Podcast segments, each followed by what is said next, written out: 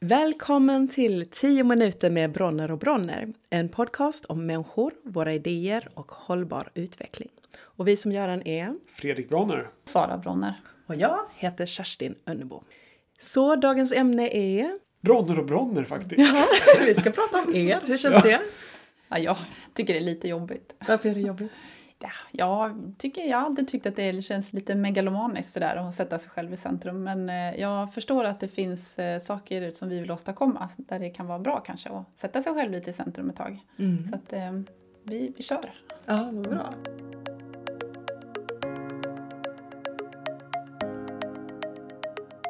Och vad är det ni vill åstadkomma? Ja, det är en jättebra fråga. Vad är det vi vill åstadkomma? Vi, eh, vi jobbar ju med hållbarhetsfrågor och försöker få människor att förstå på olika sätt att det är någonting knasigt med det som vi gör. Och att det får olika konsekvenser. Och det, jag tror att det är konsekvenserna vi försöker ändra. Så. Precis. Det är, är lite läskigt nu vad det är vi håller på med i vårt samhälle och vilka konsekvenser det ger för oss själva i framtiden. Eh, och så. Så att vi försöker väl få människor att förstå, eh, att lära sig, att komma till insikt om saker. Att eh, omvärdera eh, ganska viktiga saker i livet och faktiskt börja förändra sitt beteende på en massa olika sätt. Så om vi nu ska prata om er, vem är ni? Ska vi börja med Fredrik? Vem är du? Var kommer du ifrån? Varför vill du hålla på med det här? Det är en jättebra fråga det också. Vem jag är? Jag är en anknytningsstörd medelålders man som snart ska fylla 50. Ehm, Jag är pappa till två flickor och som många andra anknytningsstörda män i medelåldern har mitt, mitt hållbarhetsuppvaknande skett genom mitt föräldraskap tror jag. Att jag börjar bli så pass gammal så att jag på allvar börjar se någon slags slut någonstans där jag ska inte kunna finnas här och curla mina barn och lindra alla saker som jag har gjort fel som de utsätts för. Utan de kommer behöva hantera det själv utan mig närvarande. Och jag har förstått att jag har inte oändligt med tid på mig att fixa det. Jaha. Jag måste göra det nu. Ja, vad fint. Vem är du och varför vill du jobba med de här frågorna? Och på vilket sätt har du gjort det? Ja, vem är jag? Det är alltid så svårt att hitta tråden att dra i. Men jag är väl också typ ganska medelålders eh, och eh, lever med Fredrik sedan fyra år tillbaka. Vi eh, drar tillsammans i de här frågorna på massor med olika sätt och vis. Och jag tror precis som Fredrik att mycket av det här har sitt ursprung i föräldraskapet faktiskt. Jag sitter och tänker på det, därför jag blir lite långsam. Men jag tänker att det är mycket i, hos mig som tog fart när jag just blev förälder. För jag hade på något vis ganska mycket kunskap. Jag hade förstått i grund och botten att vi hade stora utmaningar. Men det var liksom en, en kunskap jag hade. När jag blev förälder och mamma då till mina tre eh, pojkar som kom ganska tätt. Och då började jag ju tänka in i framtiden. Det gör man ju liksom inte, eller jag gjorde inte det när jag var ensam. Så. Eh, och då förstod jag, precis som Fredrik säger, att då skulle jag ju lämna över någonting till dem. Och då började det liksom svindla när jag förstod mer och mer vad det kommer innebära för dem att växa upp i en framtid där vi har alla de här stora ekologiska kriserna och även sociala eh, svårigheterna. Och då blev det svårt. Och sen har liksom perspektivet vidgats ännu mer för då har jag förstått att det är, det är mina tre barn och sen har vi då flera miljarder andra barn som kommer att leva i framtiden. Och alla de kommer få uppleva ganska mycket lidande. Väldigt mycket lidande om vi inte ändrar det som vi gör nu. Precis nu, för det är liksom nu det gäller. Det är nu det gäller. Mm. Mm. Hållbarhet är ju ett ord som ni kommer tillbaka till hela tiden. Vad är hållbarhet för dig Fredrik? Eller från ditt håll, hur jobbar du med hållbarhet? Ja, det är också... Jag får inte säga mer att det var en bra fråga. Ordet hållbarhet har blivit så uttunnat tycker jag. Det är så utspätt idag och det används i så många sammanhang som egentligen inte alls är då hållbara. För mig är hållbart någonting som kan fortgå. Som över tid. Eh, Där alla resurser hela tiden är i samklang med vad som behövs. Det blir lätt att man pratar klimatet. Eller för mig kopplar jag det nästan direkt mot klimatet. Men det är större än så för dig, eller hur? Ja, ja, för mig är det ganska mycket en existentiell fråga. Och det, det är mitt fält. Jag är kulturvetare, beteendevetare. Jag älskar att resonera kring det här med vilka vi är och hur det blev så.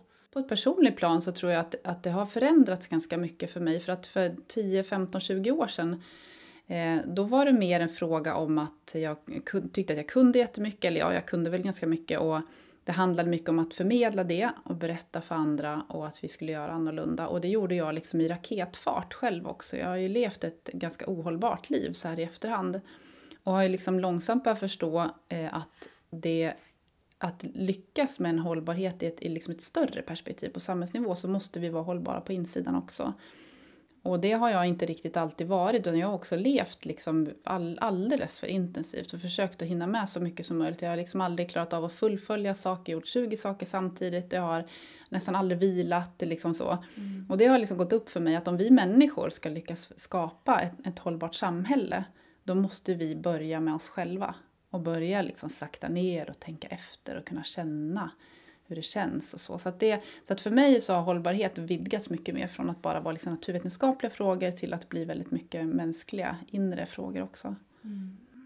Vi var inne lite på att det fick en ny botten när man blev förälder. Men om man tittar framåt, om man säger att ni får barnbarn, var och en för sig. Hur skulle ni vilja att den världen såg ut? Jag har ett barn som nästa sommar fyller så pass mycket som jag var när jag blev pappa till henne. Mm. Och hon har ju bestämt sig, i alla fall just nu, för att hon inte vill bli förälder. Just för att hon inte själv kan leva med att föda ett barn in i en värld som kommer föra med sig så mycket lidande för det här barnet. Så att jag har ju tyvärr inte någon, jag har inte på min horisont att jag kommer bli eh, morfar just nu då. Och det får mig att tänka ännu mer kring vad har jag vad har jag inte failat med när min dotter tänker så?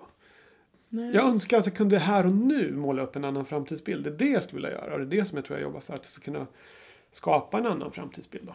Mm. Och vad tänker du Sara? För ibland så diskuterar jag och Fredrik lite det här, eh, den här stora frågan om vad är det vi ska rädda egentligen? Vad är det vi kämpar för? Ska vi rädda mänskligheten? Är det liksom viktigt ens mm. faktiskt? Och då kan jag tycka ibland att jo, men den är nog det därför att, att människan när vi är vårt bästa är ju en helt fantastisk varelse. På riktigt, helt magiskt att vara människa när vi är det på, på det sättet som vi kan vara. Mm. Eh, och det tänker jag på mina barnbarn och barnbarnsbarn. Att tänk om de kan få uppleva ett mänskligt liv som, som innehåller just det där. Det här, det här glädje, ämnena, nyfikenheten, förälskelser, liksom, upptäcka lust, allt det där. Eh, så det är, jag hoppas att de kan få ett liv där det finns utrymme för sånt. Nu handlar det här avsnittet om er och ett sätt att komma nära er kanske är att ställa er lite mot varandra. Så jag tänkte ställa en fråga och så får ni svara vem av er som är den största eh, idioten i den här frågan. så då frågar jag er, vem kör mest bil? Vem kör mest onödig bil? Ja, det är jag. Ja, varför det? Det är för att jag använder bilen ibland som en, en, en, nödutgång. Att få vara i fred fortfarande. Jag älskar, jag tycker fortfarande att det är den ultimata i fredupplevelsen. Att sitta i en bil, susa fram längs en landsväg och titta på landskapet, lyssna på bra musik och låta tankarna eh, flyga ut över landskapet. Mm. Ja, om de nu präktar till det här och så är det så att jag gjorde det här någon gång i veckan förut. Nu gör jag det någon gång om året för jag har börjat springa och gå istället för att göra det här i bilen. Man kan göra det på många, många andra sätt än att göra det just i bilen. Mm. Och sen kan man ju då fråga sig vad är en nödvändig bilresa egentligen? Mm. För jag gör ju bilresor där jag kan känna att ja, men den här är nödvändig fast det kan jag göra med att jag bara inte orkar ta fighten med en av mina tonårskillar som bara är jätte jättetrött och har jättetung väska. Mm. Och då är det jag som inte orkar ta den fighten och då blir det, då blir det helt plötsligt en nödvändig bilresa. Så att det där kan man ju verkligen diskutera. Nästa. Eh, vem av er flög senast? Det var du... faktiskt eh, inte jag. Nej. Nej, men då måste det ha varit jag. då får du berätta om din senaste flygning. För fem år sedan eh, så gjorde jag en flygresa för då blev jag medbjuden på en segling i medel, på Medelhavet med en segelbåt med åtta kvinnor och jag har aldrig varit där. Så jag känner att det här, jag klarar inte av att missa det, jag måste få göra det. Och det var en magisk vecka på alla sätt och vis.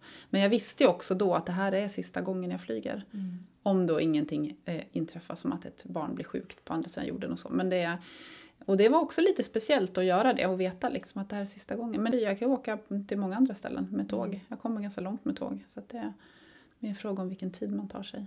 Mm. Mm. Vem köpte ett klädesplagg senast?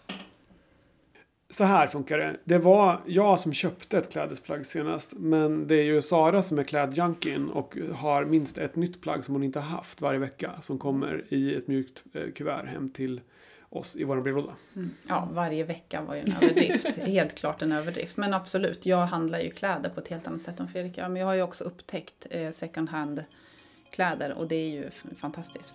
Ska vi säga så? Ja, absolut. Det tycker jag. Tusen tack. Mm, tack.